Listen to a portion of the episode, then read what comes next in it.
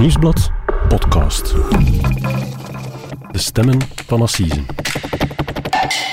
Hallo, mijn naam is Mark Lefman, misdaadreporter bij het Nieuwsblad. En ik ben Cedric Lagast, journalist bij diezelfde krant.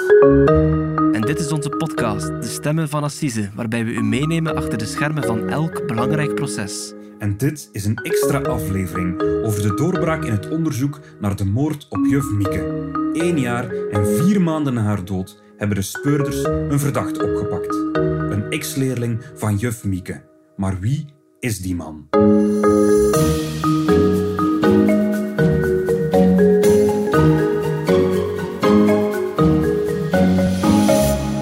Dag Mark. Dag Cedric. Mark, we doorbreken ons gewone weekschema voor een, eh, een extra aflevering van onze podcast. Een extra aflevering omdat er eigenlijk groot nieuws is in het dossier waar we eh, drie weken geleden nog een podcast aan hebben, gewijd.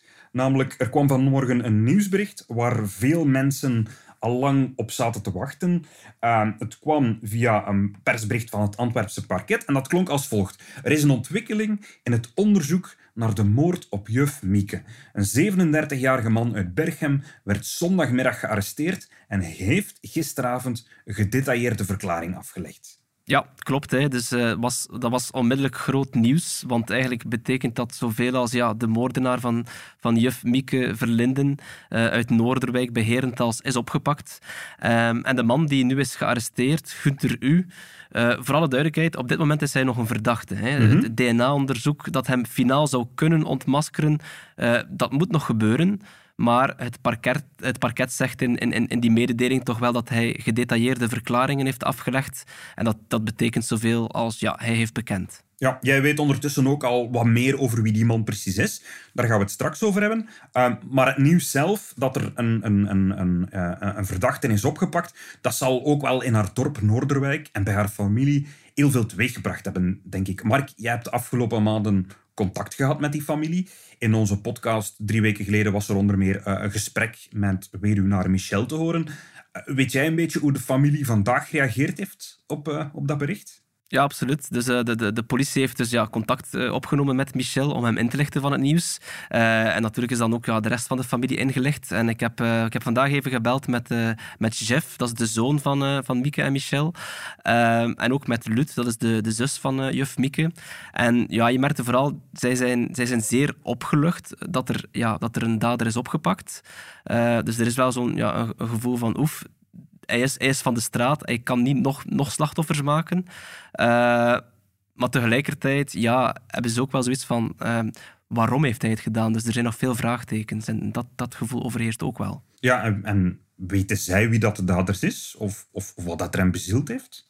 Wel nee, van, vanmiddag, uh, dus kort nadat het nieuws bekend raakte, uh, was dat nog steeds een mysterie voor hen waar, waar, waar ze mee zitten. Uh, ze wisten ook nog niet wie die persoon was. dus zij hoopten daar vooral zo snel mogelijk duidelijkheid over te krijgen. Er is sowieso altijd schrik. Hè? Als er s'nachts ergens een krakje is in het dak of wat dan ook, of er is wat ja, dan, dan worden we wat sneller wakker, inderdaad er is een schrik, maar ja, we gaan die schrik ons leven niet laten domineren. Dus, nee. Ik voel dat dit een rem, dit zet een rem op mijn verder leven. Dus van, ja, we, hoe moeten wij verder? Hè? Zolang als er geen antwoorden zijn op, op onze vragen, wie, wat, waarom, hè, dan dat, ja, dat is een duidelijke rem op mijn leven. Ik doe wel wat ik vroeger deed. Hè, dus, uh, maar uh, ja, echte plannen naar de toekomst, uh, ja, die kunnen we niet echt maken. Hè, dus, uh. Als u een ultieme oproep zou willen doen, hoe klinkt? De dader moet toch altijd op een of andere manier vroeging hebben.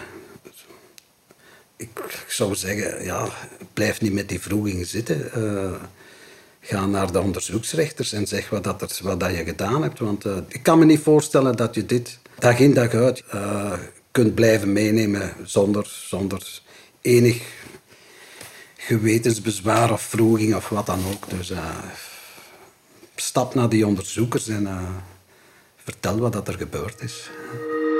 Mark, we hoorden hier nog eens de oproep van Michel, de man van juf Mieke. Ehm, de oproep die hij drie weken geleden in onze podcast heeft gelanceerd. Hij riep de dader toen op om zich aan te geven, om niet met dat geheim te blijven zitten. Nu, wat ik hoor nu is dat de doorbraak ook voor een deel gekomen is omdat de dader zijn geheim niet voor zichzelf heeft gehouden. Nee, klopt. Uh, nu goed, of het iets te maken heeft gehad met de oproep van Michel, dat weten we natuurlijk niet zeker. Hè. Uh, maar het is wel een feit dat, uh, dat de zaak ja, op verschillende krantensites veel aandacht heeft gekregen. Eigenlijk het voorbije jaar zijn er veel oproepen geweest in de media. en volgens de eerste verklaringen zou de, zou de verdachte de druk ja, wel, wel wat gevoeld hebben de laatste tijd. En zou hij daardoor de moord al hebben opgebiecht aan een, ja, aan een vertrouwenspersoon. En die persoon zou dan naar de politie zijn gestapt. En dat zou allemaal dit weekend gebeurd zijn. En voordat we daar verder op ingaan, en voor wie dat onze eerste podcast heeft gemist, leggen nog eens uit wat is er eigenlijk precies gebeurd. Hoe is Mieke Verlinde gestorven? Wel, uh, Mieke Verlinden die is in november uh, eh, 2020 is, is thuis bij haar, ja, gewoon in haar woning uh, in Noorderwijk vermoord. en dat was door een man met een mes. ze is ja, eigenlijk op een echt een gruwelijke manier om het leven gebracht. Ze is met, met 101 messteken gedood. En ze was die ochtend alleen thuis. Ze zou tussen ja, 9 uur s morgens en half elf bezoek hebben gekregen van haar moordenaar dus. Dus de dader heeft aangebeld. En hij zou haar op dat moment meteen hebben aangevallen toen ze de deur opendeed. En dan daarna is die dader ja, gewoon weer vertrokken en heeft zelfs nog de, de sleutels van de voordeur meegenomen. En ik begrijp ook, er waren toen al, direct nadat de moord ontdekt werd, verschillende sporen die naar de dader konden leiden. Ja, absoluut. Dus uh, de, de, de, dader had zelf een, een bloedspoor nagelaten uh, met zijn DNA de speurders gaan ervan uit dat dat gebeurde toen hij zichzelf verwond heeft met het, met het mes. Uh, ook opvallend, er was ook een, ja, de, de, de vonden ook sporen van een schoenafdruk uh, terug. En dat was een afdruk van een, ja, een orthopedische schoen. Ehm, en dat was wel belangrijk, omdat dat een, ja, dat was een zeldzame schoenzool. En er werden ja, slechts een aantal stuks verkocht uh, van die schoen in ons land.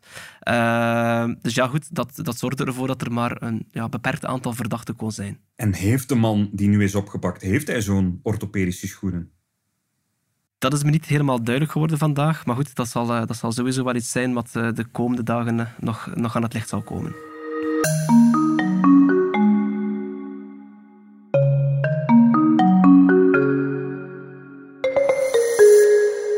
Mark, er zit nu een 37-jarige verdachte in de cel. Weet jij of, of kan jij ons uitleggen hoe dat de speurders eigenlijk tot bij hem zijn gekomen? Ja, het zou dus uh, toch onrechtstreeks het gevolg zijn van het eh, DNA-onderzoek. Eh, je weet nog wel uit de vorige podcast. ze hebben het, het gevonden DNA van de dader, dus in de woning van juf Mieke, hebben, ze, hebben, hebben de speurders vergeleken met ja, tientallen mensen uit haar omgeving. Want de speuders zijn er eigenlijk altijd van uitgegaan dat de, dat de dader dat die, ja, misschien wel een soort persoonlijke band met uh, juf Mieke moet hebben gehad. Uh, want ja, ze is uiteindelijk met 101 messteken om het leven gekomen. En de speuders gaan er daardoor van uit dat, ja, dat de moord op een of andere manier erg persoonlijk moet geweest zijn. En omdat dat DNA dat ze gevonden hadden niet overeenkwam met het DNA in de politiedatabanken, hebben de speurders eigenlijk het ook vergeleken met een heleboel mannen uit haar omgeving. Want ze konden wel zien dat de dader een man was. Ja, absoluut. En dan, dan, hebben ze in april vorig jaar, hebben ze, ja, ik denk aan zo'n 435 mannen gevraagd om DNA af te staan. En dat, uh, dat aantal zou dan blijkbaar in de, in, de, in, de, in, de, in de tijd nadien ook nog steeds opgelopen zijn. Dus het is echt ja, ongezien DNA-onderzoek. En bij wie zijn ze dan allemaal langs geweest om te vragen om DNA af te staan? De speuders zijn dus langs gegaan bij vrienden en kennissen van juf Mieke. Maar ze hebben ook gekeken naar de school waar, uh, waar juf Mieke uh, al jaren werkte. Ze was daar, ze was daar zorgjuf. Um, en dan hebben de speuders ja, aan, bijvoorbeeld aan vaders uh, bij, wie, bij wie het kind, bij wie juf Mieke in de klas had gezeten, hadden ze gevraagd om, om DNA af te staan. maar goed, dat heeft niet meteen iets opgeleverd. Ehm, ze zijn dan verder gaan kijken in de tijd. En daardoor zaten ze eigenlijk ook al bij oud-leerlingen. Dus ex-leerlingen die vroeger bij haar in de klas hebben gezeten maar die nu ondertussen natuurlijk volwassen mensen waren. Dus ook aan die mensen hebben ze gevraagd om DNA af te staan. En de man die nu is opgepakt, dat is zo'n oud leerling, hebben we gehoord. Wil dat dan zeggen dat hij zijn DNA heeft afgestaan? Wel, het, het, gaat dus om een 37-jarige man, hè, een zekere Gunther heet hij. Ehm, hij. is opgegroeid in Olen, uh, maar dan begin jaren 90 is hij ja, in Noorderwijk naar school gegaan bij juf Mieke. Ehm, en hij zou, dus volgens de informatie waar we nu over beschikken, had hij een tijd geleden al een verzoek gekregen om DNA af te staan, maar hij was daar om een of andere reden niet op ingegaan. Nu goed, hij heeft dan een tweede uitnodiging gekregen. Ehm, en vandaag, eh, ja, op maandag, moest hij eigenlijk een, een nieuwe afspraak maken om die DNA-afname concreet in te boeken. Eh, maar goed, dat is niet gebeurd. En dat kan natuurlijk ook een beetje verklaren waarom dat hij vond dat de druk op hem toenam. Als de politie aan je deur staat Ja. om DNA af te nemen, dat zet je ook onder druk natuurlijk. Hè. Maar als ik het goed begrijp, dat DNA-onderzoek, dat is vandaag de dag nog altijd niet gebeurd. Nee, dus eh, eigenlijk in aanloop van die afspraak zou hij, dus eigenlijk afgelopen weekend, zou hij de moord aan iemand anders hebben opgebiecht. Eh ik kan die persoon gerust de tussenpersoon noemen. Volgens onze informatie gaat het om iemand van de katholieke geloofsgemeenschap eh, Sant'Egidio in Antwerpen. En hij zou daar blijkbaar aan iemand verteld hebben dat hij geen zin had in die DNA-afname, omdat hij iets vreselijks had gedaan. Eh, en hij zou dan daar de feiten hebben opgebiecht. En op die manier is natuurlijk de informatie tot bij de politie geraakt. En is hij, hebben ze eigenlijk heel snel gereageerd en heeft de, de politie hem eh, dit weekend opgepakt.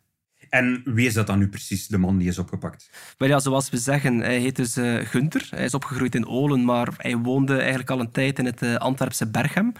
Ehm, ja, parket heeft eigenlijk ook meteen laten weten dat hij, dat, dat, ja, hij is niet gekend bij de politie. Eh, hij heeft geen strafblad, integendeel. Hij had eigenlijk ook een job.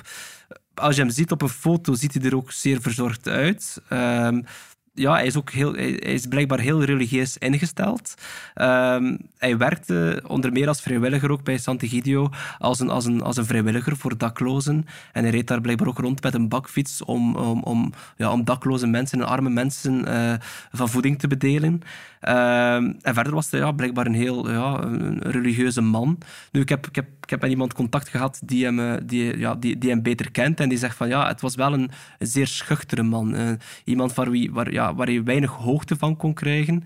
Eh, ja, een beetje een speciale man, dat wel. Maar goed, niemand had natuurlijk eh, zoiets verwacht. Maar toch ook een religieuze man, een, iemand die in een katholieke geloofsgemeenschap zit, een, eh, iemand die met katholiek geloof bezig is. Dat is niet echt het profiel van iemand die, ja, die een moord gaat plegen. Nee, het ziet, het ziet er niemand uit die, die een koelbloedige moord zou plegen. Laat staan met, met honden in één mes steken. Hij heeft dus in de klas gezeten bij Mieke Verlinden in de basisschool. Dat betekent dus dat hij eigenlijk al zo'n 30 jaar geleden in haar klas zat.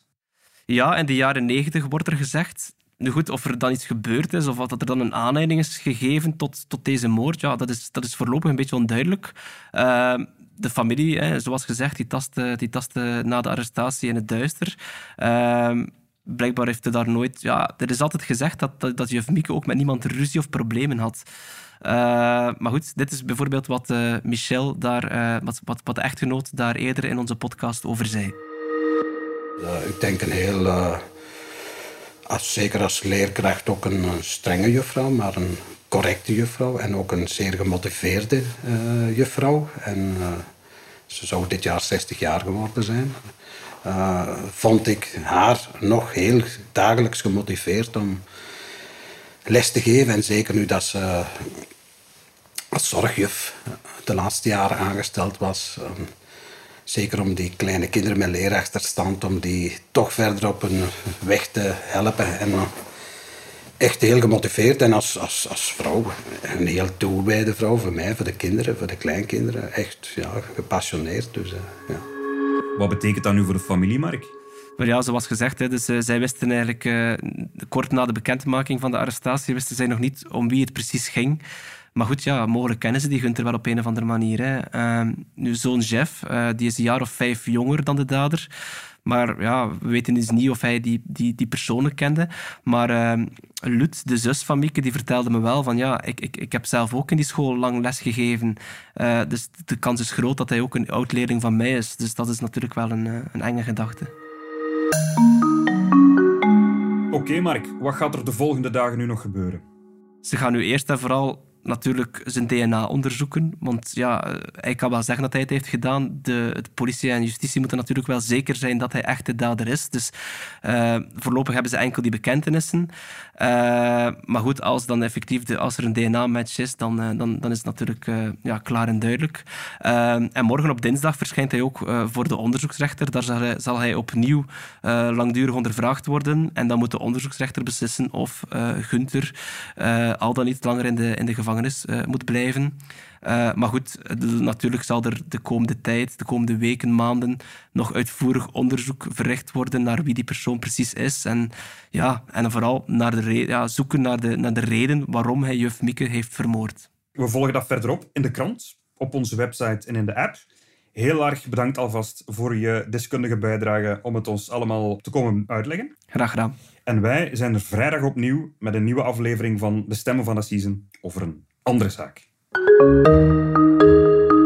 Dit was De Stemmen van Season, een podcast van het Nieuwsblad. De stemmen waren deze week van Mark Liftman en van mezelf, Cedric Lagast.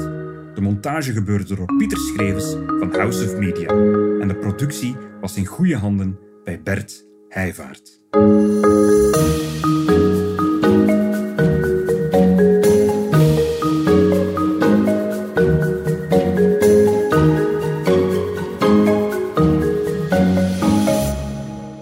De andere podcasts van het Nieuwsblad al beluisterd? Seks verandert alles, Het Punt van Van Impe, Vrolijke Vrekken, Shotcast en De Koers is van ons.